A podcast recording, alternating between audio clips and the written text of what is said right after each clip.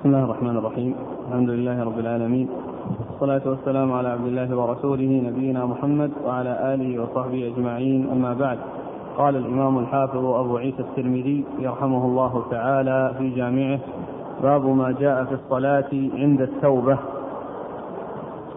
قال حدثنا قتيبة قال حدثنا أبو عوانة عن عثمان بن المغيرة عن علي بن ربيعة عن أسماء بن الحكم الفزاري قال سمعت عليا رضي الله عنه يقول إني كنت رجلا إذا سمعت من رسول الله صلى الله عليه وآله وسلم حديثا نفعني الله منه بما شاء أن ينفعني به. وإذا حدثني رجل من أصحابه استحلفته. فإذا حلف لي صدقته. وإنه حدثني أبو بكر رضي الله عنه وصدق أبو بكر. قال سمعت رسول الله صلى الله عليه وآله وسلم يقول ما من رجل يذنب ذنبا ثم يقوم فيتطهر ثم يصلي ثم يستغفر الله إلا غفر الله له. ثم قرأ هذه الآية والذين إذا فعلوا فاحشة أو ظلموا أنفسهم ذكروا الله فاستغفروا لذنوبهم ومن يغفر الذنوب إلا الله ولم يصروا على ما فعلوا وهم يعلمون. قال وفي الباب عن ابن مسعود وأبي الدرداء وأنس وأبي أمامة ومعاذ وواثلة وأبي اليسر واسمه كعب بن عمرو رضي الله عنهم. قال أبو عيسى حديث علي حديث حسن لا نعرفه إلا من هذا الوجه من حديث عثمان بن المغيرة. وروى عنه شعبة وغير واحد فرفعوه مثل حديث أبي عوانة. ورواه سفيان الثوري ومسعر فأوقفاه. ولم يرفعاه إلى النبي صلى الله عليه وسلم. وقد روي عن مسعر هذا الحديث مرفوعا أيضا. ولا نعرف لأسماء بن الحكم حديثا مرفوعا إلا هذا. بسم الله الرحمن الرحيم. الحمد لله رب العالمين وصلى الله وسلم وبارك على عبده ورسوله نبينا محمد وعلى آله وأصحابه أجمعين. أما بعد فيقول الإمام أبو عيسى الترمذي رحمه الله في جامعه باب في الصلاة عند التوبة نعم. باب في الصلاة عند التوبة. أي أن الإنسان إذا حصل منه ذنب وتاب منه فإنه يصلي لله عز وجل بهذه المناسبة ويتوب إلى الله عز وجل ويستغفر الله سبحانه وتعالى. فتكون الصلاة التي هي أهم الأعمال بعد الشهادتين آآ آآ التي هي صلة قوية بين العبد وبين ربه آه، يأتي بركعتين ويستغفر الله عز وجل من ذلك الذنب فتكون صلاته بين يدي استغفاره وتكون سبب في وتكون آه، سببا أو تكون آه، عند توبته يأتي بهذه العبادة العظيمة التي هي كونه يسجد لله عز وجل سجدتين ويركع له ركعتين ويستغفر الله عز وجل من ذلك الذنب الذي حصل له. وهذا الحديث آه، يرويه علي رضي الله عنه أبي بكر رضي الله تعالى عنه.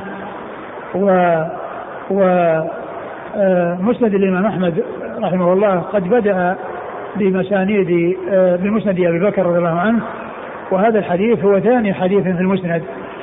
أول حديث عنده فيه حديث الأمر معروف والنهي عن المنكر في عليكم أنفسكم لا يضركم من ضل إذا اهتديتم. والحديث الثاني هو هذا الحديث الذي أورده المصنف هنا وهو عند الإمام أحمد من مسند في مسند ابي بكر وهو ثاني حديث عنده في المسند الذي يشتمل على يعني آلاف الأحاديث. هذا هو الحديث الثاني منه في أول الكتاب.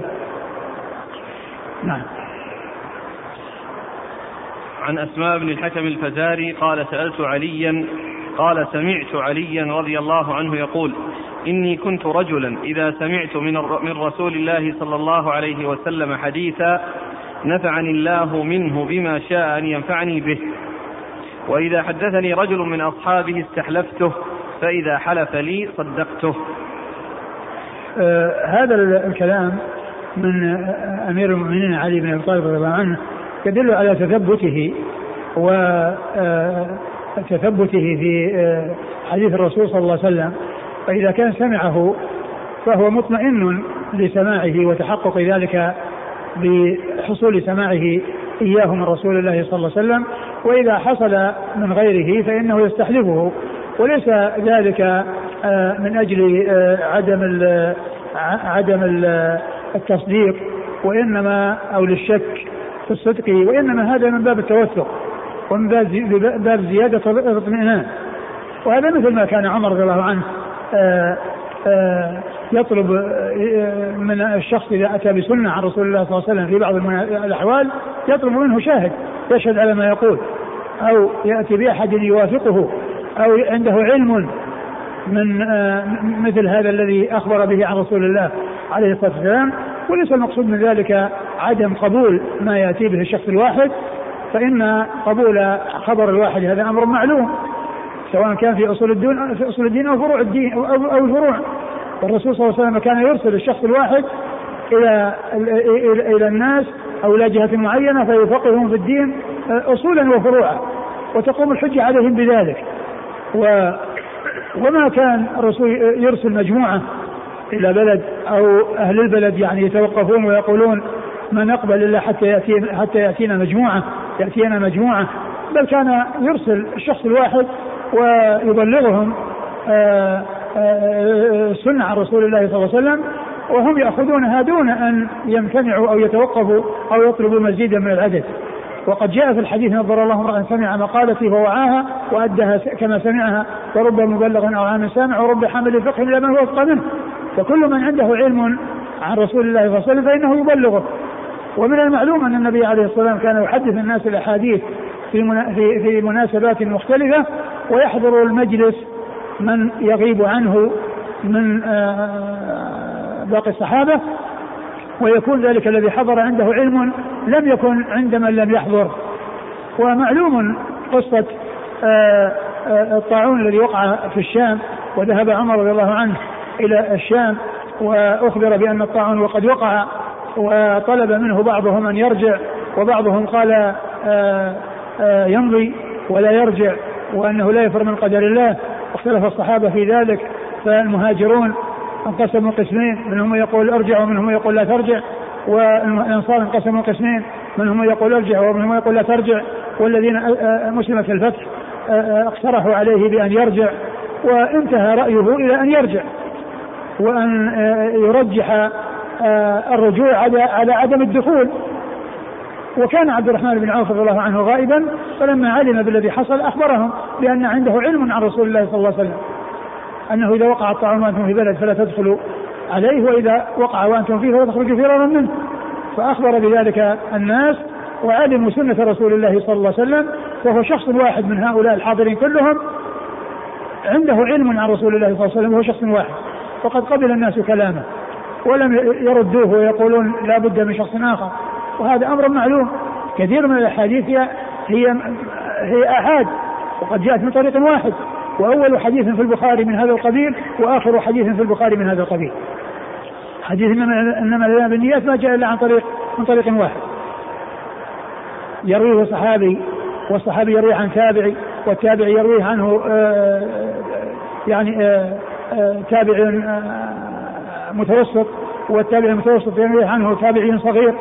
فثلاثة من التابعين يروي بعضهم عن بعض ما فيه غيرهم يشاركهم في هذه الرواية. واحد عن واحد عن واحد. وكذلك حديث حديث كلمتان حبيبتان للرحمن آخر حديث البخاري. أيضا جاء من طريق واحد. عن أبي هريرة وأبو هريرة يروي عنه أبو زرعة ابن جرير.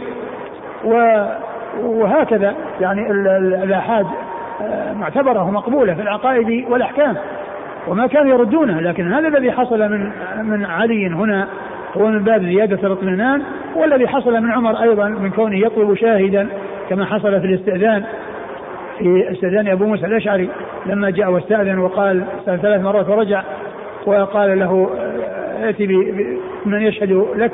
فأتى بشخص آخر من الصحابة يخبر أو يحدث بما حدث فيه أبو موسى عن رسول الله صلى الله عليه وسلم. آه، فهذا هو معنى توقف علي أو معنى ما جاء عن علي وليس تكذيبا للصحابة وإنما هذا من زيادة التوسع ثم أيضا فيه بيان عظم شأن أبي بكر عنده وبيان تقديره له. وقال حدثني أبو بكر وصدق أبو بكر حدثني أبو بكر وصدق أبو بكر. فهذا يدل على عظيم منزلته عنده وعلى ثنائه عليه وتعظيمه له وتقديره له رضي الله تعالى عن هذين الخليفتين الراشدين وعن الصحابة أجمعين.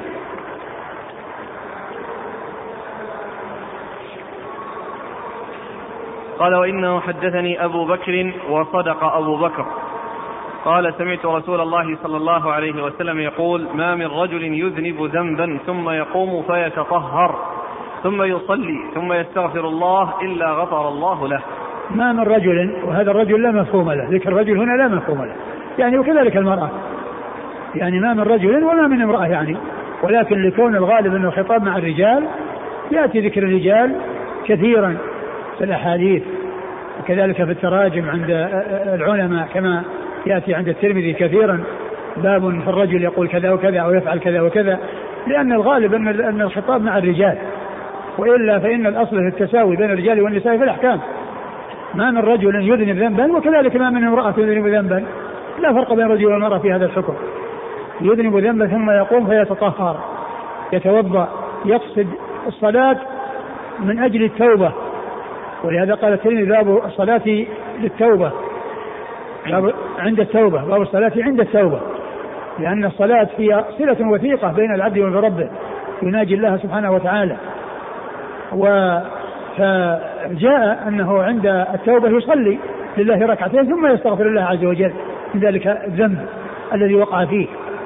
من ذلك الذنب الذي وقع فيه. فالصلاة تشرع في مناسبات. لمثل هذه المناسبة مثل مثل الاستخارة. يشرع الإنسان أن يستخير. يصلي صلاة الاستخارة ويدعو بالدعاء المأثور يعني بعد الصلاة. كل هذا يعني يدل على أن أن أن الصلاة شأنها عظيم. ولهذا جاء مشروعيتها عند التوبة وجاء مشروعيتها عند الاستخارة وجاء في مناسبات أخرى متعددة. نعم. ما من رجل يذنب ذنبا ثم يقوم فيتطهر ثم يصلي ثم يستغفر الله. ثم قرأ هذه الآية. والذين إذا فعلوا فاحشة أو ظلموا أنفسهم ذكروا الله فاستغفروا لذنوبهم ومن يغفر الذنوب إلا الله ولم يصروا على ما فعلوا وهم يعلمون. يعني أنه يقوم يصلي هذه الصلاة وهو مقبل على الله عز وجل ونادم على ما حصل وعازم على ألا يعود في المستقبل ومقلع من هذا الذنب ويصلي لله عز وجل ويستغفر الله سبحانه وتعالى عما حصل منه. فالله تعالى يغفر له. ويقبل توبته والله تعالى يتوب على من تاب والتوبة تجب ما قبلها نعم قال حدثنا قتيبة قتيبة بن سعيد بن جميل بن طريف البغلاني ثقة أخرجه أصحاب الكتب الستة. عن أبي عوانة. أبي عوانة الوضاح بن عبد الله اليشكري وهو ثقة من أخرج له أصحاب الكتب الستة. عن عثمان بن المغيرة. عن عثمان بن المغيرة وهو ثقة. أخرج البخاري وأصحاب السنن. أخرجه البخاري وأصحاب السنن. عن علي بن ربيعة. عن علي بن ربيعة وهو ثقة أخرج أصحاب الكتب. ثقة أخرج أصحاب الكتب الستة. عن أسماء بن الحكم الفزاري. عن أسماء بن الحكم الفزاري وهو صدوق أخرجه أصحاب السنن. صدوق أخرجه أصحاب السنن وأسماء هذا من يعني من غالب أنه في أسماء النساء ويسمى به يسمى به الرجال أيضا ولكن الغالب أنه من أسماء النساء فهو من الأسماء المشتركة التي في كل النساء ولكن الغالب عليه تسمية في النساء وفي الرواة جويرية بن أسماء جويرية بن أسماء. هو اسمه واسم أبيه. كلها على ما هو مشهور في النساء. نعم. عن علي. عن علي بن أبي طالب رضي الله عنه أمير المؤمنين ورابع الخلفاء الراشدين الهادي المهديين صاحب المناقب الجمة والفضائل الكثيرة رضي الله عنه وأرضاه وحديثه عند أصحاب الكتب الستة. وعن أبي بكر رضي الله عنه وعبد الله بن عثمان بن أبي قحافة آه، الصديق رضي الله عنه وأرضاه وهو أول الخلفاء الراشدين. وهو خليفة رسول الله عليه الصلاة والسلام وهو صاحب المناقب الجمة والفضائل الكثيرة وحديثه عند أصحاب الكتب الستة. قال وفي الباب عن ابن مسعود ابن مسعود عبد الله بن مسعود الهذلي أخرج حديثه أصحاب الكتب الستة. عن وأبي الدرداء أبو الدرداء عويمر أخرج حديثه أصحاب الكتب الستة. وأنس وأنس بن مالك رضي الله عنه خادم النبي عليه الصلاة والسلام وأحد السبعة المكثرين من حديث رسول الله صلى الله عليه وسلم. وأبي أمامة. وأبو أمامة صدي بن عجلان الباهلي أخرج حديثه أصحاب الكتب الستة. ومعاذ. ومعاذ بن جبل رضي الله عنه أخرج حديثه أصحاب الكتب الستة. وواسلة وواثلة بن أسقع أخرج حديثه أصحاب الكتب الستة. وأبي اليسر كعب بن عمرو. وأبي اليسر كعب بن عمرو أخرج حديثه. البخاري في المفرد ومسلم وأصحاب السنن البخاري في المفرد ومسلم وأصحاب السنن قال أبو عيسى حديث علي حديث حسن لا نعرفه إلا من هذا الوجه من حديث عثمان بن المغيرة. وروى عنه شعبة وغير واحد فرفعوه مثل حديث أبي عوانة. وشعبة هو ابن الحجاج الواسطي البصري ثقة أخرجه أصحاب الكتب الستة. ورواه سفيان الثوري ومسعر فأوقفاه ولم يرفعاه إلى النبي صلى الله عليه وسلم. سفيان هو بن سعيد بن مسروق الثوري ثقة فقيه أخرج له أصحاب الكتب الستة ومسعر هو بن كدام وهو ثقة أخرجه أصحاب الكتب الستة وقد روي عن مسعر هذا الحديث مرفوعا أيضا ولا نعرف لأسماء بن الحكم حديثا مرفوعا إلا هذا. نعم.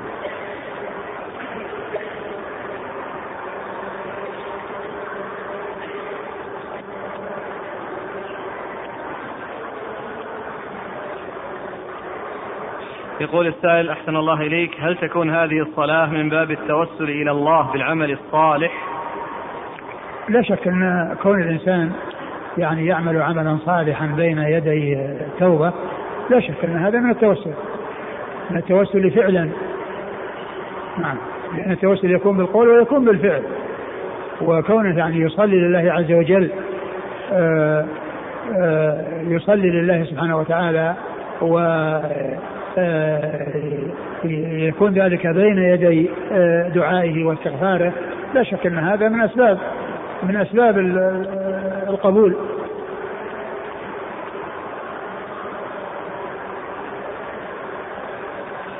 يقول السائل هل ما حكم الرجل الذي يتكرر أو تتكرر منه الذنوب؟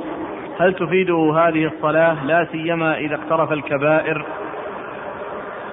الإنسان يتوب ولكن يكون صادقا في توبته ويكون شجاعا على نفسه وعلى الشيطان.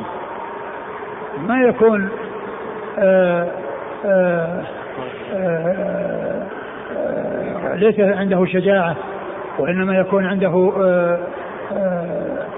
استسلام وانقياد للشيطان وإقدام على الشهوات والوقوع في المحرمات وإنما عليه مراقبة الله سبحانه وتعالى وعلم وكونه يعلم أن الله مطلع عليه وأنه لا يخفى عليه خافية وأنه آه كما أنه غفور رحيم فإنه شديد العقاب. فيخشى الله سبحانه وتعالى ويرجوه يرجو رحمة الله ويخشى عقاب الله.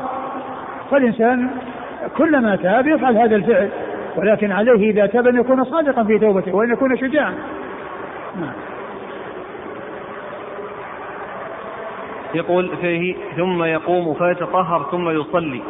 هل يفهم من أن الطهارة عند الصلاة شرط لهذا؟ بمعنى لو كان متوضئا قبل فعله للذنب فهل يلزم لهذه الصلاة أن يتوضأ؟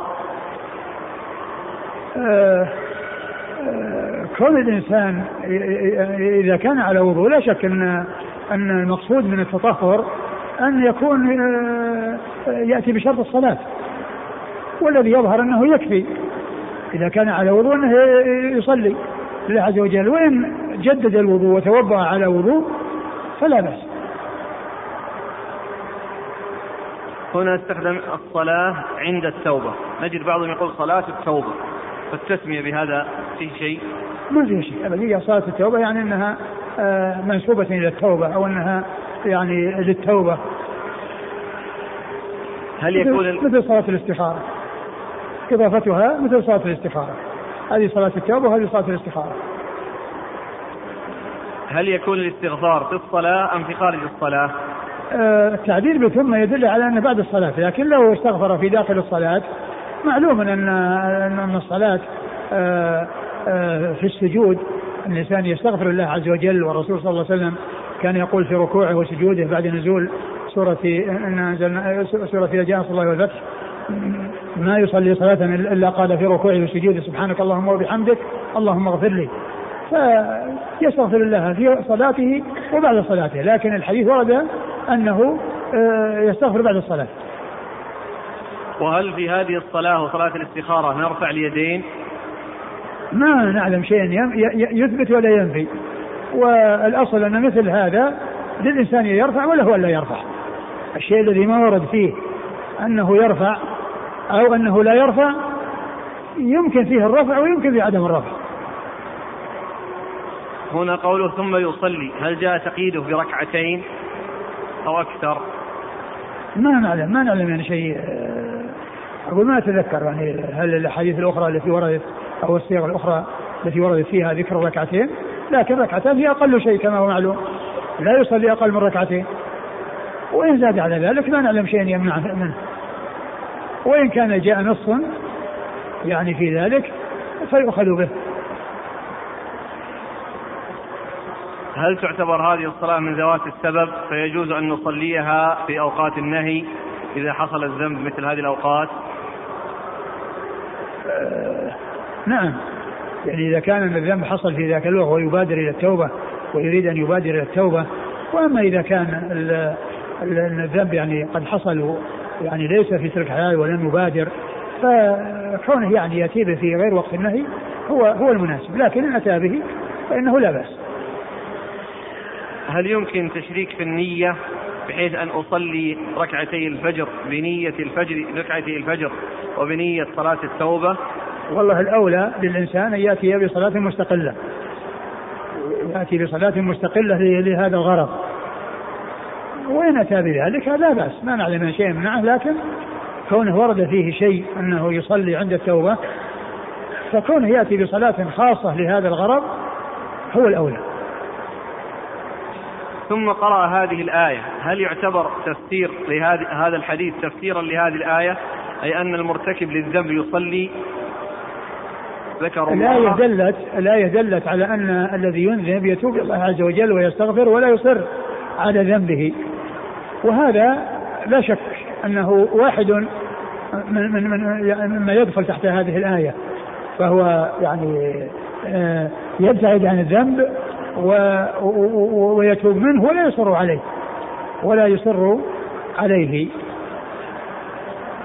هل في قوله تعالى إن الله يحب التوابين ويحب المتطهرين دليل على هذه الصلاة؟ لا ما في دليل لو لم يأتي هذا الحديث ما أخذ هذا الحكم من هذه الآية.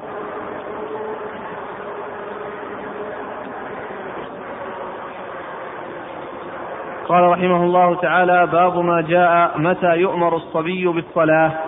قال حدثنا علي بن حجر قال أخبرنا حرملة بن عبد العزيز بن الربيع بن سبرة الجهني عن عمه عبد الملك بن الربيع بن سبرة عن أبيه عن جده رضي الله عنه أنه قال قال رسول الله صلى الله عليه وآله وسلم علموا الصبي الصلاة ابن سبع سنين واضربوه عليها ابن عشر.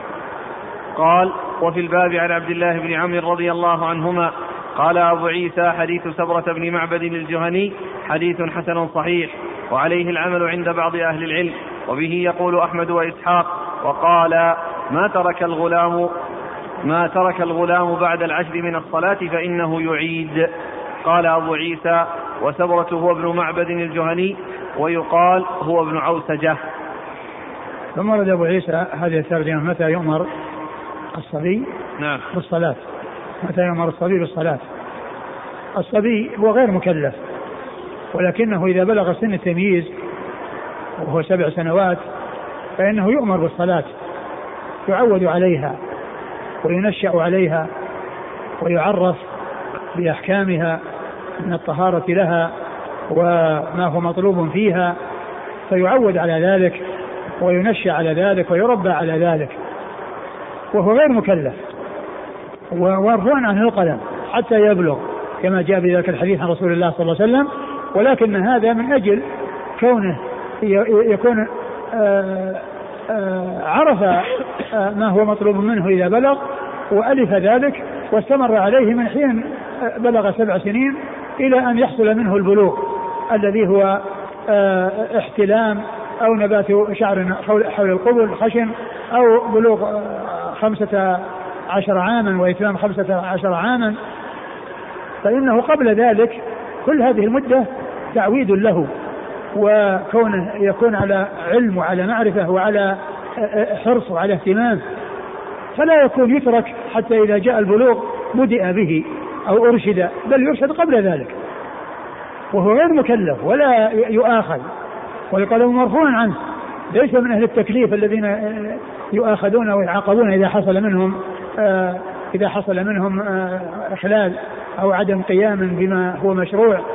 فالقلم مرفوع عنه كما قال عليه الصلاة والسلام رفع القلم عن ثلاثة النائم حتى يستيقظ والمجنون حتى يفيق والصغير حتى يبلغ. وهذا من آداب الإسلام التي فيها التنشئة على الخير والتربية على الخير وتعويد الأبناء الصغار على طاعة الله وطاعة رسوله عليه الصلاة والسلام وعلى هذا الركن العظيم من أركان الإسلام الذي هو الصلاة. فهو عندما يبلغ سبع سنين فإنه يؤمر بها ولكنه لا يضرب لو حصل منه شيء. وإذا بلغ عشر سنين ولم وحصل منه تقصير فإنه يضرب الضرب الذي لا يؤثر عليه. الضرب الذي لا يؤثر فيه ضربا غير مبرح.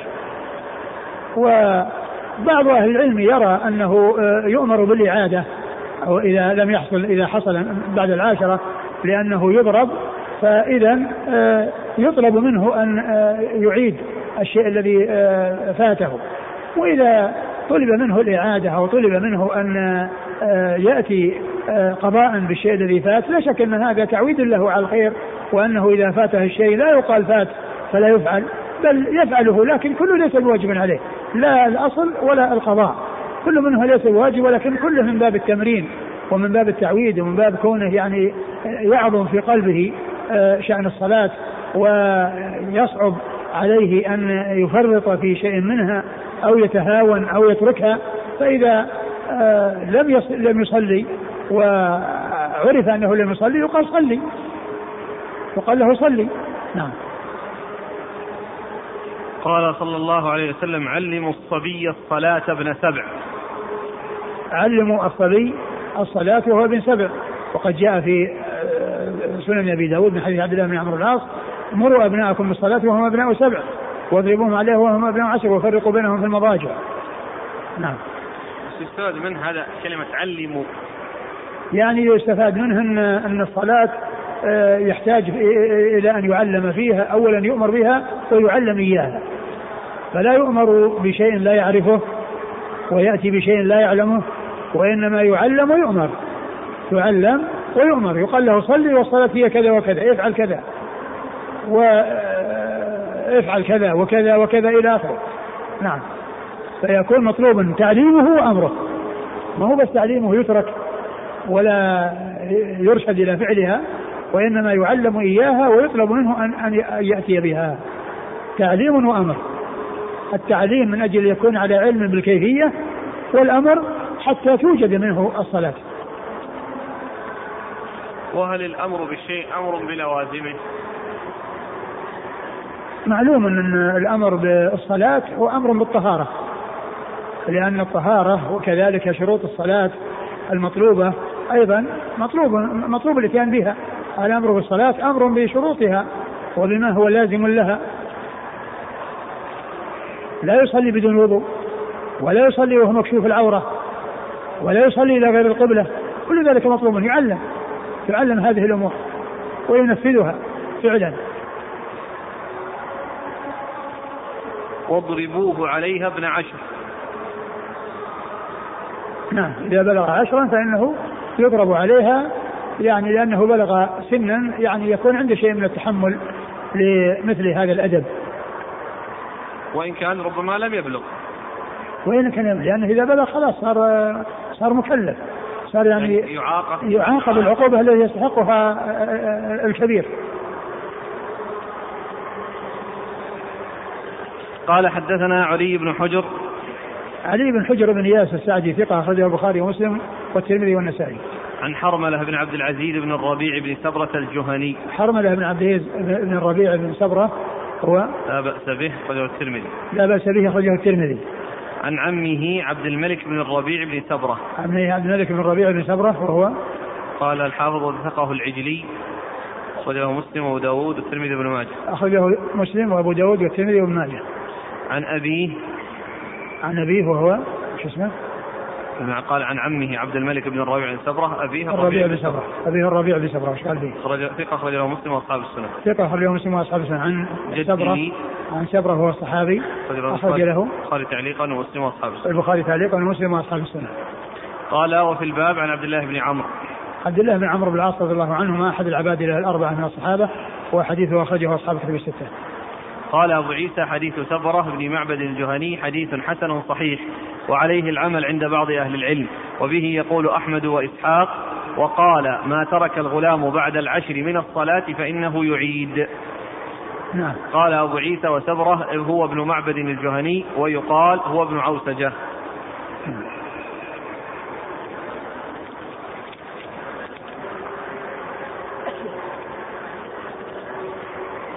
قال رحمه الله تعالى باب ما جاء في الرجل يحدث في التشهد.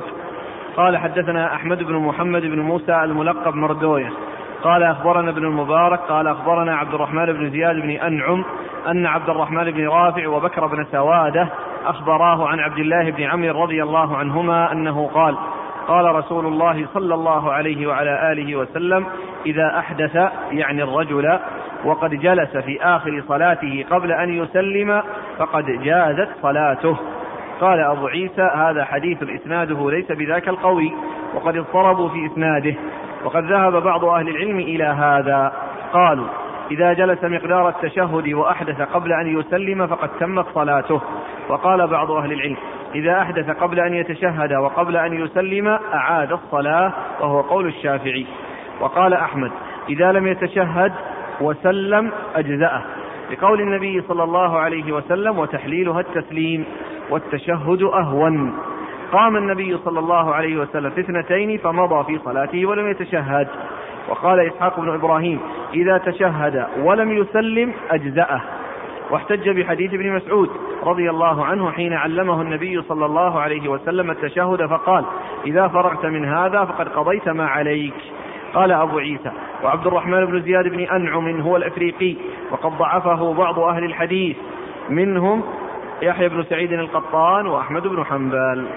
ثم ورد أبو عيسى رحمه الله الترجمة باب في الرجل يحدث في التشهد. باب في الرجل يحدث في التشهد يعني قبل أن يسلم قبل أن يحصل السلام يعني أن بعض أهل العلم قال بأن صلاته صحيحة لأن لأنه حصل بعد أن حصل من التشهد ولم يبقى إلا التسليم فإنه تجزئه صلاته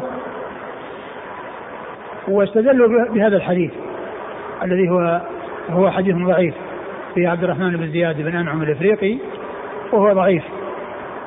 و والحديث الصحيح الذي ورد في ذلك أن الصلاة لا يخرج منها إلا بالتسليم. تحريمها التكبير وتحليلها التسليم. فهو في صلاة حتى يسلم. لأن الذي حرم عليه بالإحرام أو بتكبيرة الإحرام مستمر حتى يأتي التسليم. فإذا حصل شيء قبل التسليم مما يبطل الصلاة فإنه يبطلها. فلو أحدث قبل أن يسلم فإن الصلاة بطلت عليه أن يتوضأ ويعيد الصلاة. وعلى قول بعض أهل العلم الذين أخذوا بهذا الحديث الضعيف يقولون إنه آه، تجزئه صلاته وتصح صلاته وإن لم يسلم أخذا بهذا الحديث. لكن الحديث ضعيف فلا يعول عليه والحديث الصحيح الذي ورد في في, في التسليم وأن وأن التحلل, التحلل من الصلاة يكون به حيث قال تحريمها التكبير وتحليلها التسليم. أي أن الإنسان لا يخرج من صلاته إلا بالسلام. لا يخرج من صلاته إلا بالسلام. فالتكبير بدايتها والتسليم نهايتها. نعم. قال حدثنا أحمد بن محمد بن موسى الملقب مردوية. هو ثقة أخرج له البخاري والترمذي والنسائي. البخاري والترمذي والنسائي. عن ابن المبارك. عن المبارك عبد الله المبارك المروزي ثقة أخرج له أصحاب كتب الستة. عن عبد الرحمن بن زياد بن أنعم. عبد الرحمن بن زياد بن أنعم الإفريقي وضعيف أخرج له. البخاري في المفرد وأبو داود والترمذي وابن ماجه. البخاري في المفرد وأبو داود والترمذي وابن ماجه. عن عبد الرحمن بن رافع. عن عبد الرحمن بن رافع وهو ضعيف أخرج له. البخاري في المفرد وأبو داود والترمذي وابن ماجه. البخاري في المفرد وأبو داود وابن ماجه لكنه مقرون ببكر بن سوادة. فإذا العلة هو عبد الرحمن. لأن هذا الضعيف لا يؤثر وجوده في الإسناد لأنه مقرون بثقة ولا صدوق؟ بكر بن سواد. ثقة. ومقرون بثقة. فالمعول عليه الثقة في الإسناد وعلى هذا في العلة في عبد الرحمن بن زياد وحده. وهذا الثاني الذي هو ضعيف ضعفه لا يؤثر في الإسناد لأن التعويل ليس عليه وإنما هو على الثقة الذي قرن به. أخرج حديثه. بكر بن سوادة. البخاري تعليقا ومسلم وأصحاب السنن البخاري تعليقا ومسلم وأصحاب السنن عن عبد الله بن عمرو. عبد الله بن عمرو بن العاص رضي الله عنهما وقد مر ذكره. قال أبو عيسى هذا حديث إسناده ليس بذاك القوي وقد اضطربوا في إسناده. وقد ذهب بعض أهل العلم إلى هذا. قالوا إذا جلس مقدار التشهد وأحدث قبل أن يسلم فقد تمت صلاته. وقال بعض أهل العلم إذا أحدث قبل أن يتشهد وقبل أن يسلم أعاد الصلاة. هذا الذي ترجحون؟ نعم يعني يكون إذا إذا إذا أحدث قبل أن يسلم سواء قبل أن يتشهد أو بعد أن يتشهد المهم قبل السلام قبل أن يوجد السلام. نعم. وهو قول الشافعي. وقال أحمد الشافعي هو محمد بن إدريس الشافعي آه، الإمام المحدث الفقيه أحد أصحاب المذاهب الأربع مشهورا مذهب أهل السنة حديث أخرجه البخاري تعليقا وأصحاب السنة. وقال أحمد إذا لم يتشهد وسلم أجزأه لقول النبي صلى الله عليه وسلم وتحليلها التسليم والتشهد أهون قام النبي صلى الله عليه وسلم في اثنتين فمضى في صلاته ولم يتشهد. آه هذه لعلها رواية عن الإمام أحمد وإلا فالمعروف عنه أن التشهد ركن من أركان الصلاة والصلاة على النبي صلى الله عليه وسلم أيضا ركن من أركان الصلاة والتسليمتان ركن من أركان الصلاة. والتسليمتان ركن من أركان الصلاة. والتشهد الأول نعم الأمر فيه هين من جهه أنه يجبر بسجود السهو لكن ما جاء ما جاء شيء عن التشهد الأخير. فيعني هذه رواية يعني ألحق فيها التشهد الأول بالتشهد الثاني لكن المعروف عن الإمام أحمد آه أنه آه يرى أن التشهد لا بد منه وكذلك الصلاة على النبي صلى الله عليه وسلم.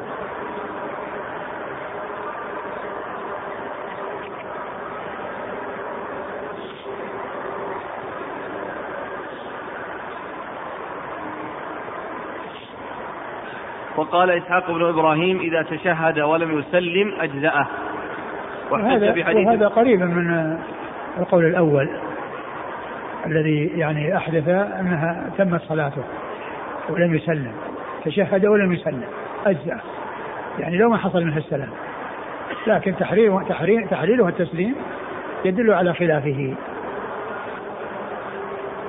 وإسحاق هو والإمام أحمد هو أحمد بن محمد بن حنبل الشيباني الإمام الفقيه المحدث أحد أصحاب المذاهب الأربعة المشهورة مذاهب السنة وحديثة أخرجه أصحاب الكتب الستة وإسحاق هو ابن إبراهيم بن راهويه الحنظلي المروزي ثقة أخرجه أصحاب الكتب الستة إلا ابن ماجه.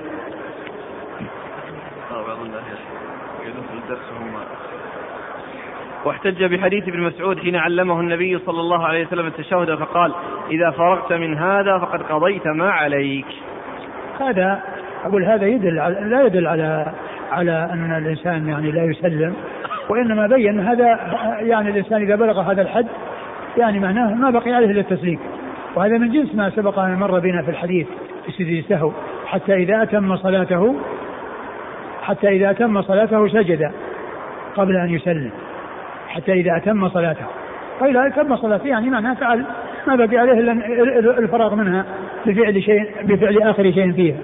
هذا الحديث لا يدل على هذا وإنما يدل على أن الإنسان تتم صلاته بهذا ولا يبقى عليه إلا التسليم الذي يكون به التحلل. مع أن هذه اللفظة هل هي ثابتة عن النبي صلى الله عليه وسلم؟ وهي؟ إذا قضيت إذا فرغت من هذا فقد قضيت ما عليك. لا هذا هذا هذا موقوف. مدرج المدرج نعم. قال أبو عيسى عبد الرحمن بن زياد بن أنعم هو الإفريقي وقد ضعفه بعض أهل الحديث منهم يحيى بن سعيد القطان وأحمد بن حنبل. يحيى بن سعيد القطان ثقة أخرجه أصحابه في الستة وأحمد مر ذكره.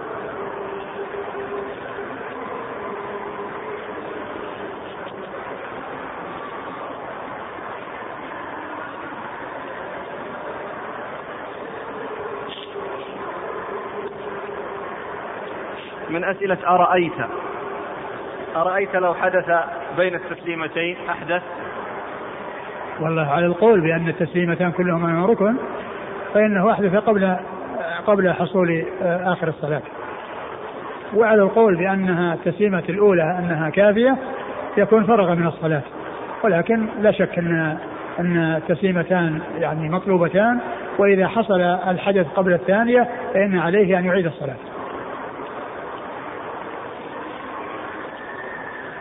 قال رحمه الله تعالى باب ما جاء إذا كان المطر فالصلاة في الرحال. قال حدثنا أبو حفص عمرو بن علي البصري. قال حدثنا أبو داود الطيالسي. قال حدثنا زهير بن معاوية عن أبي الزبير عن جابر رضي الله عنه أنه قال كنا مع النبي صلى الله عليه وآله وسلم في سفر فأصابنا مطر فقال النبي صلى الله عليه وآله وسلم من شاء فليصلي في رحله. قال وفي الباب عن ابن عمر وسمرة وأبي المليح عن أبيه وعبد الرحمن بن سمرة رضي الله عنهم. قال أبو عيسى حديث جابر حديث حسن صحيح وقد رخص أهل العلم في القعود عن الجماعة والجمعة في المطر والطين. وبه يقول أحمد وإسحاق. قال أبو عيسى سمعت أبا زرعة يقول روى عفان بن مسلم عن عمرو عن عمرو بن علي حديثا. وقال أبو زرعة لم نر بالبصرة أحفظ من هؤلاء الثلاثة علي بن المديني وابن الشاذكوني وعمرو بن علي. وأبو المليح اسمه عامر ويقال زيد بن أسامة بن عمير الهذلي. ثم قال أبو عيسى باب إذا كان مطر إذا كان المطر فالصلاة في الرحال. إذا كان مطر فالصلاة في الرحال. الرحال هي المساكن. يعني سواء كانت بنيانا أو أو خشبا أو حديدا أو آه، خياما أو بيوتا من الشعر. كل هذه قالها رحال. و والمقصود من هذه الترجمة أنه إذا كان هناك يعني مطر شديد وشق على الناس الذهاب يعني إلى المسجد أو إلى المكان الذي يتجمع فيه الناس إذا كانوا مسافرين وذلك بسبب المطر من فوقهم والدحض الذي يكون في الأرض والذي يعني يصعب معه مشيهم وتغاص أرجلهم في الدحض. فإنهم يصلون في رحالهم وهم معذورون في ذلك. ومعلوم أنه في هذه الأزمنة في كثير من المدن الدحض لا وجود له. الطرق مسفلة أو مرصوفة ولا يحصل لهم شيء من ذلك. والمطر يعني قد يكون خفيفا ويعني أيضا يكون معهم سيارات يركبون بها ويسلمون من المطر. وبعض الناس تجده يعني يكون في دكانه أو يذهبون الناس للسوق وإذا كان الناس يذهبون الاسواق فيذهبون المساجد ما يتركون المساجد ويذهبون إلى الأسواق ولكن إذا حصل أمر يقتضي ذلك بان يعني يكون مثلا بعض البلاد التي يكون فيها مضرة على الناس وليس لهم في ذلك الوقت إلا أن يبقوا في بيوتهم ولا يشتغلون في البيع والشراء فإنهم يصلون في بيوتهم وأما إذا كانوا يشتغلون في البيع والشراء ولا يتركون الذهاب للدكاكين والأسواق يعني بهذا السبب فان فإن فإنهم يذهبون إلى المسجد ويصلون فيه. نعم. عن جابر رضي الله عنه قال كنا مع النبي صلى الله عليه وسلم في سفر فأصابنا مطر فقال النبي صلى الله عليه وسلم من شاء فليصلي في رحله. يعني من شاء فليصلي في رحله يعني ومن شاء أن يأتي فليأتي. مع أنهم في سفر في سفر لكنه يعني تجمع اجتماعهم في مكان واحد يصلون فيه في مشقة عليه. لأنهم يعني كل واحد يعني جالس في رحله الذي هو خيمته واجتماعهم في مكان واحد يعني يصلون فيه آه، يشق عليهم. وكذلك الحضر والسفر ما جاءت الرخصة إلا عن شيء واجب. نعم. ما جاءت الرخصة لا شك. لا عن شيء واجب. نعم. نعم الجماعة واجبة بلا شك. سفرا. والجماعة نعم كذلك واجبة في السفر. أو الجماعة واجبة في السفر حتى في الخوف. وإذا كنت فيهم فأقمت لهم الصلاة. يعني ما هو بس مجرد سفر حتى في حال الخوف. ما تترك الجماعة. وهذا من أقوى ما يستدل به على على وجوب صلاة الجماعة. كونها ما تترك في الخوف. وأن الإمام يقسم الناس إلى مجموعتين. وإذا كان تجاه, تجاه القبلة فلها هيئة. وإذا كانوا العدو ليس باتجاه القبلة لها هيئة. ويصلون هذه الصلاة بهذه الطريقة هذا كله يدلون على وجوبها. قال حدثنا أبو حفص عمرو بن علي البصري. أبو حفص عمرو بن علي هو الفلاس. وهو ثقة أخرجه أصحاب كتب الستة. عن أبي داود الطيالسي. عن أبي داود الطيالسي هو سليمان بن داود ثقة أخرجه البخاري تعليقا ومسلم وأصحاب السنن. عن زهير بن معاوية. عن زهير بن معاوية وهو ثقة اخرج له أصحاب كتب الستة. عن أبي الزبير. عن أبي الزبير محمد بن مسلم بن تدرس المكي صدوق أخرجه أصحاب كتب الستة. عن جابر, جابر بن عبد الله الأنصاري رضي الله عنهما آه، أحد السبعة المعروفين بكثرة الحديث عن النبي عليه الصلاة والسلام. قال وفي الباب عن ابن عمر. ابن عمر عبد الله بن عمر بن الخطاب عبادله من الصحابة هو أحد السبعة المكثرين من حديث الرسول صلى الله عليه وسلم. وسمرة. وسمرة بن جندب أخرجه أصحاب كتب الستة. وأبي المليح عن أبيه. وأبي المليح عن أبيه وهو أسامة بن منقذ أخرج حديثه. أسامة بن عمير. أسامة بن عمير أخرج حديثه. أصحاب السنة. أصحاب السنة. وأبو المليح أخرج له أصحاب الكتب. نعم. وعبد الرحمن بن سمرة. وعبد الرحمن بن سمرة أخرجه أصحاب الكتب الستة. قال أبو عيسى حديث جابر حديث حسن صحيح وقد رخص أهل العلم في القعود عن الجماعة والجمعة في المطر والطين. نعم. وبه يقول أحمد وإسحاق. قال أبو عيسى سمعت أبا زرعة يقول روى عفان بن مسلم عن عمرو بن علي حديثا. وذكر هذا مناسبة عمرو بن علي الذي جاء في الإسناد.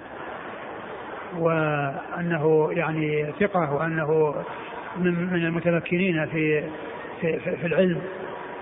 هذا هذا وجه ذكر هذا الكلام الذي جاء من أجل أن عمرو بن علي جاء في الإسناد وهو الفلاس وهو معروف من أئمة الجرح والتعديل. كثيرا ما يأتي ذكره في الرجال قال فيه الفلاس كذا والفلاس هو عمرو بن علي. قال قال سمعت أبا زرعة يقول روى عفان بن مسلم عن عمرو بن علي حديثا. آه، أبو زرعة هو عبيد الله بن عبد الكريم. آه، أبو زرعة الرازي ثقة أخرج له. مسلم والترمذي والنسائي بن ماجه. مسلم والترمذي والنسائي بن ماجه. عن قال روى عفان بن مسلم. عفان هو من مسلم الصفار. ثقة أخرجه أصحاب كتب الستة. عن عمرو بن علي. عمرو بن علي هو الفلاس. ما في إشارة إلى رواية الأكابر على الصاغر لأن عفان بن مسلم اللي مر والله أعلم وأنتم أدرى في شيوخ شيوخ الترمذي. الآن هو نفسه. عفان المسلم إي. إي نعم صحيح شيوخ الترمذي. وأما عمرو بن علي شيخ. نعم من شيوخ الترمذي. فالان يقول روى عفان بن مسلم عن عمرو. نعم. من رواية الأكابر؟ عصر لأن الترمذي وكذلك يعني غيره يروون عنه بواسطة. يروون عنه بواسطة اللي عفان وقال أبو زرعة لم نر بالبصرة أحفظ من هؤلاء الثلاثة علي بن المديني وابن الشاذكوني وعمرو بن علي. علي بن المديني هو آه، ثقة أخرج له البخاري وأبو داود وأبو داود والترمذي والنسائي وابن ماجه في التفسير. وابن الشاذكوني. وابن الشاذكوني هو الشاذكوني وهذا متروك. ولكنه معروف بالحفظ. نعم. وعمرو بن علي. وعمرو بن علي هو الفلاس وهذا كله من أجل الفلاس. هذا الكلام الذي ذكر هنا كله من أجل مجيء الفلاس أو تنويها به وبيانا لعظيم شأنه ومنزلته.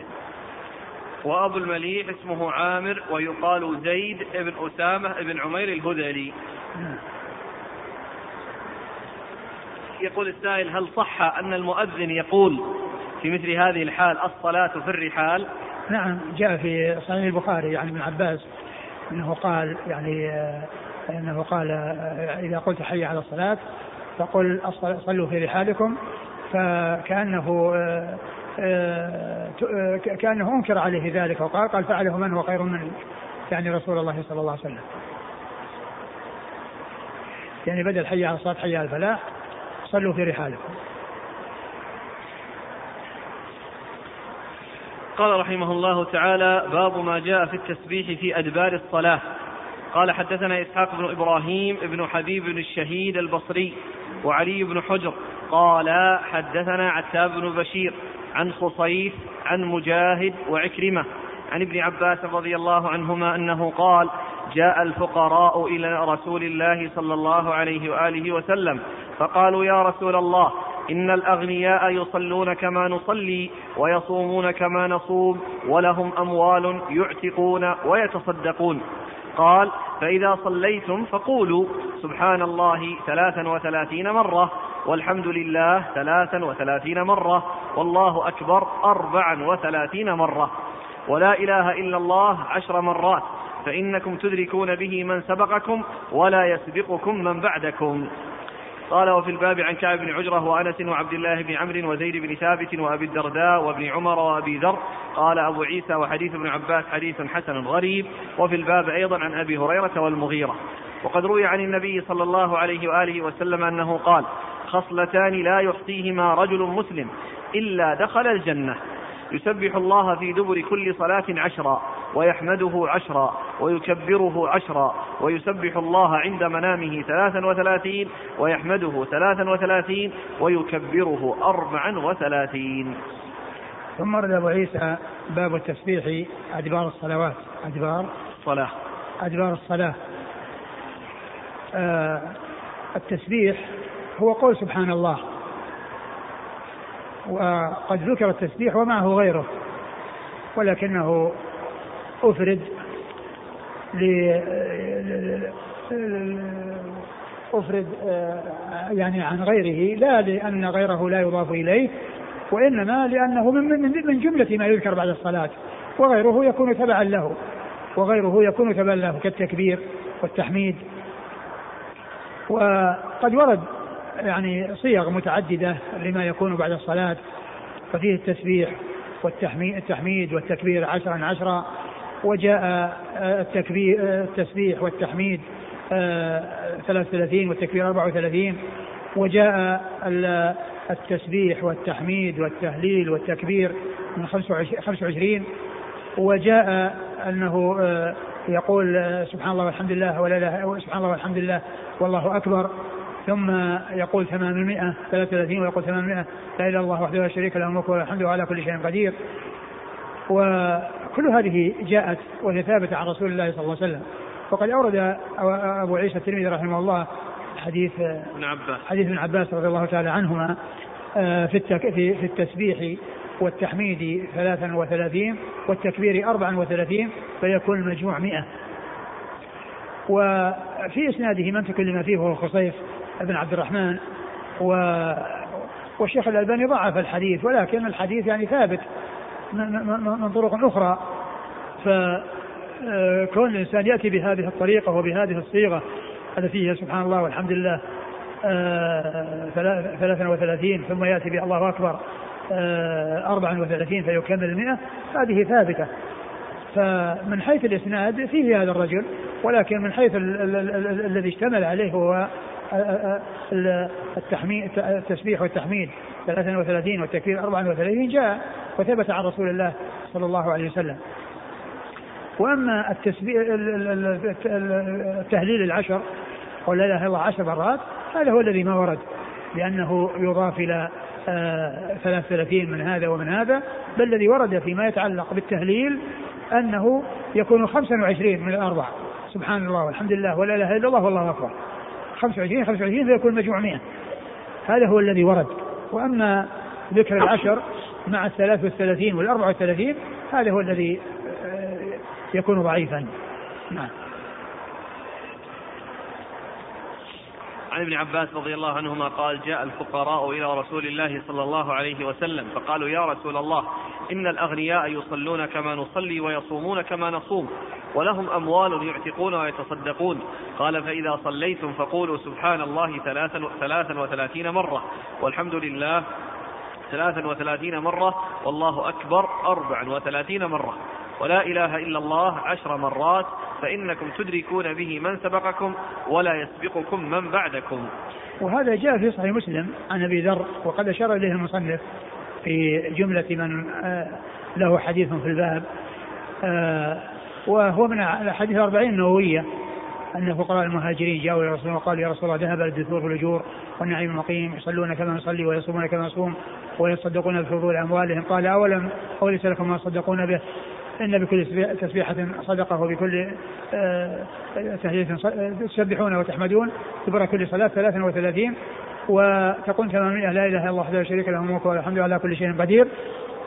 فسمع الأغنياء ذلك وقالوا مثل ما قال الفقراء فجاء الفقراء إلى الرسول وقالوا إن المهاجرين سمعوا إن الأغنياء سمعوا وأنهم قالوا مثل ما قلنا قال ذلك فضل الله يؤتيه من يشاء. أنتم تحصلون هذا الأجر بهذا بهذا الكلام وبهذا الذكر وهم يحصلون ما تحصلون ولكن عندهم هذه الزيادة التي هي كونهم يتصدقون وهذا من فضل الله الذي يؤتيه من يشاء. لكن من يريد أن يلحق وأن يحصل الأجر ممن لا يملك وممن لا يقدر على المال فإنه يحصله بهذه الكلمات اليسيرة وبهذه الألفاظ القليلة.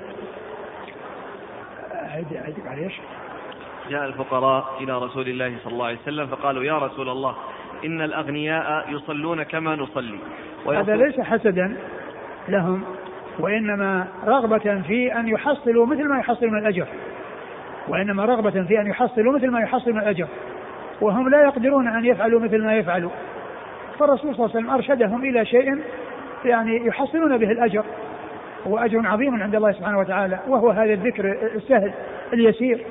الذي ليس عليهم مشقة ويحصلون فيه الأجر العظيم وذلك أدبار الصلوات. قال تسبحون الدبر فإذا صليتم فقولوا سبحان الله ثلاثا وثلاثين مرة والحمد لله ثلاثا وثلاثين مرة والله أكبر أربعا وثلاثين مرة ولا إله إلا الله عشر مرات فإنكم تدركون به من سبقكم ولا يسبقكم من بعدكم. آه، الترمذي أورد ترجمة أدبار الصلاة. أدبار الصلاة. والحديث ليس فيه التنصيص على الأدبار ولكن قال إذا قضيتم صلاتكم وهذا واضح. ودبر الشيء يطلق على آخره وما يلي آخره. يطلق على آخره لأن ما كان قبل السلام هو دبر الصلاة. وما كان بعد السلام هو دبر الصلاة. قال حدثنا إسحاق بن إبراهيم بن حبيب الشهيد. إسحاق بن إبراهيم الحبيب الشهيد هو ثقة أخرجه أبو داود في المراسيل والترمذي والنسائي وابن ماجه. ثقة أخرجه أبو داود في المراسيل والترمذي والنسائي وابن ماجه. وعلي بن حجر. علي بن حجر مر ذكره. عن عتاب بن بشير. عن عتاب بن بشير هو ثقة؟ صدوق يخطئ. صدوق يخطئ أخرج له البخاري وأبو داود والترمذي والنسائي. البخاري وأبو داود والترمذي والنسائي. عن خصيف. عن خصيف بن عبد الرحمن وهو صدوق, صدوق سيء الحفظ أخرج له أصحاب السنن. أخرج له أصحاب السنن السنن. عن مجاهد وعكرمة. عن مجاهد بن جبر وهو ثقة أخرجه أصحاب الكتب الستة. وعكرمة مولى ابن عباس ثقة أخرجه أصحاب الكتب الستة. وعن عبد الله بن عباس رضي الله تعالى عنهما أحد العباد الأربعة من الصحابة وأحد السبع المعروفين بكثرة الحديث عن النبي صلى الله عليه وسلم. قال وفي الباب عن كعب بن عجرة. كعب بن عجرة أخرج حديثه أصحاب الكتب الستة. وأنس وعبد الله بن عمرو. مر ذكرهما وزيد بن ثابت. زيد بن ثابت أخرجه أصحاب الكتب الستة. وأبي الدرداء. أبو الدرداء عويمر أخرجه أصحاب الكتب الستة. وابن عمر وأبي ذر. أبو ذر هو جندب بن جنادة أخرج حديثه أصحاب الكتب الستة. قال أبو عيسى وحديث ابن عباس حديث ابن عباس حديث حسن غريب. وفي الباب أيضا عن أبي هريرة والمغيرة. أبو هريرة مر ذكره المغيرة بن شعبة أخرج حديث أصحاب الكتب الستة. وقد روي عن النبي صلى الله عليه وسلم أنه قال خصلتان لا يحصيهما رجل مسلم إلا دخل الجنة.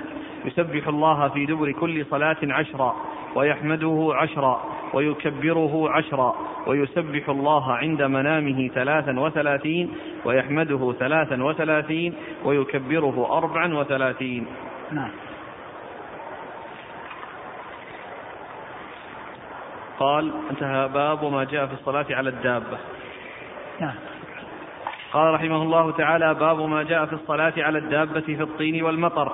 قال حدثنا يحيى بن موسى قال حدثنا شبابة بن سوار قال حدثنا عمر بن الرماح البلخي عن كثير بن زياد عن عمرو بن عثمان بن يعلى بن مرة عن أبيه عن جده رضي الله عنه أنهم كانوا مع النبي صلى الله عليه وسلم في مسير فانتهوا إلى مضيق.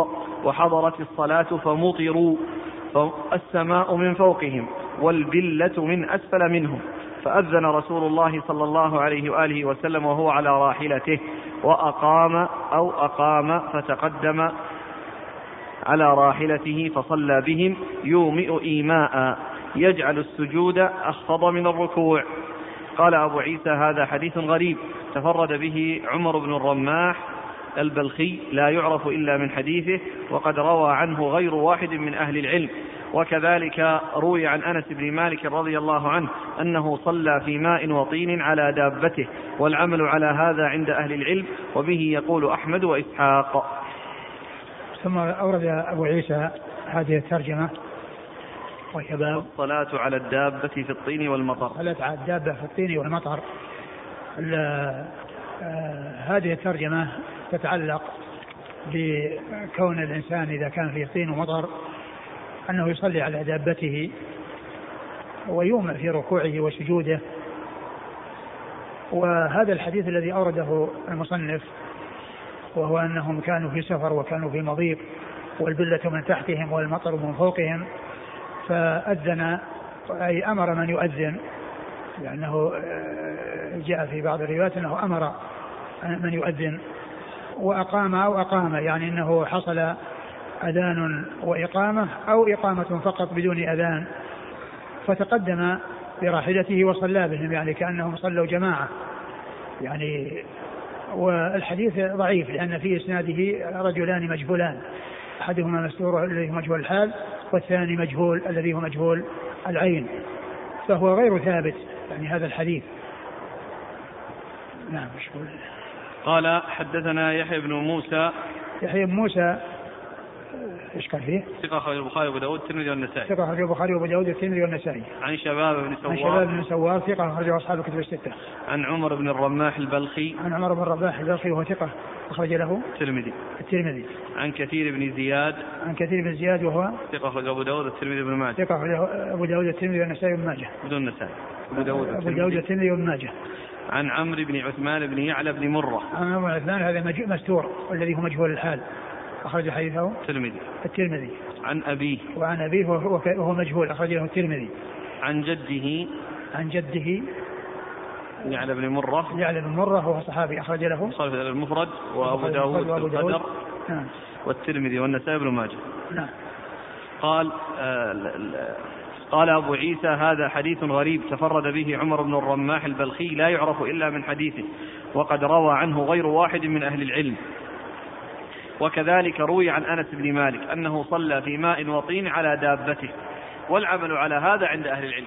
نعم يعني انه عند عندما يكون هناك ضروره وليس هناك يعني آه، آه، الصلاة يعني قرب وقتها أو قرب خروج وقتها دون أن يحصل يعني التمكن من النزول والصلاة على الأرض بسهولة فإنه يفعل هذا الذي جاء عن أنس رضي الله عنه. نعم. والحديث ضعيف ما ثبت. المرفوع. نعم. المرفوع أما الموقوف؟ المرفوع نعم. قال وبه يقول أحمد وإسحاق. نعم مر ذكرهما. قال رحمه الله تعالى باب ما جاء في الاجتهاد في الصلاة. والله أعلم وصلى الله وسلم وبارك على نبينا محمد وعلى آله وأصحابه أجمعين. ونتوقف عن التدريس إلى يوم السبت. ندرس يوم السبت إن شاء الله. جزاكم الله خيرا وبارك الله فيكم ونفعنا الله بما قلتم الله إليك من حيث الأذان. لو كن لو كان مجموعة في سفر يعني في السيارة دخل الوقت أرادوا أن يؤذنوا وهم على الراحلة. الأذان يحصل بينهم في السيارة. هل لهم ذلك؟ ثم ينزلون بعدين يصلون. لا إذا نزلوا يؤذنون. لأن الصلاة يعني لن يصلوا في السيارة وإنما يصلون في الأرض وهم يؤذنون يعني حتى يسمعهم أحد أقول حتى يسمعهم أحد وحتى أيضا إذا أذنوا لو لم لو لم يسمعهم أحد من الناس يسمعهم الشجر وكذا فيكون يشهد لهم. يعني الأذان مثل يعني يلازم الصلاة إن كانت الصلاة إيه واحدة إيه الصلاة إيه نعم.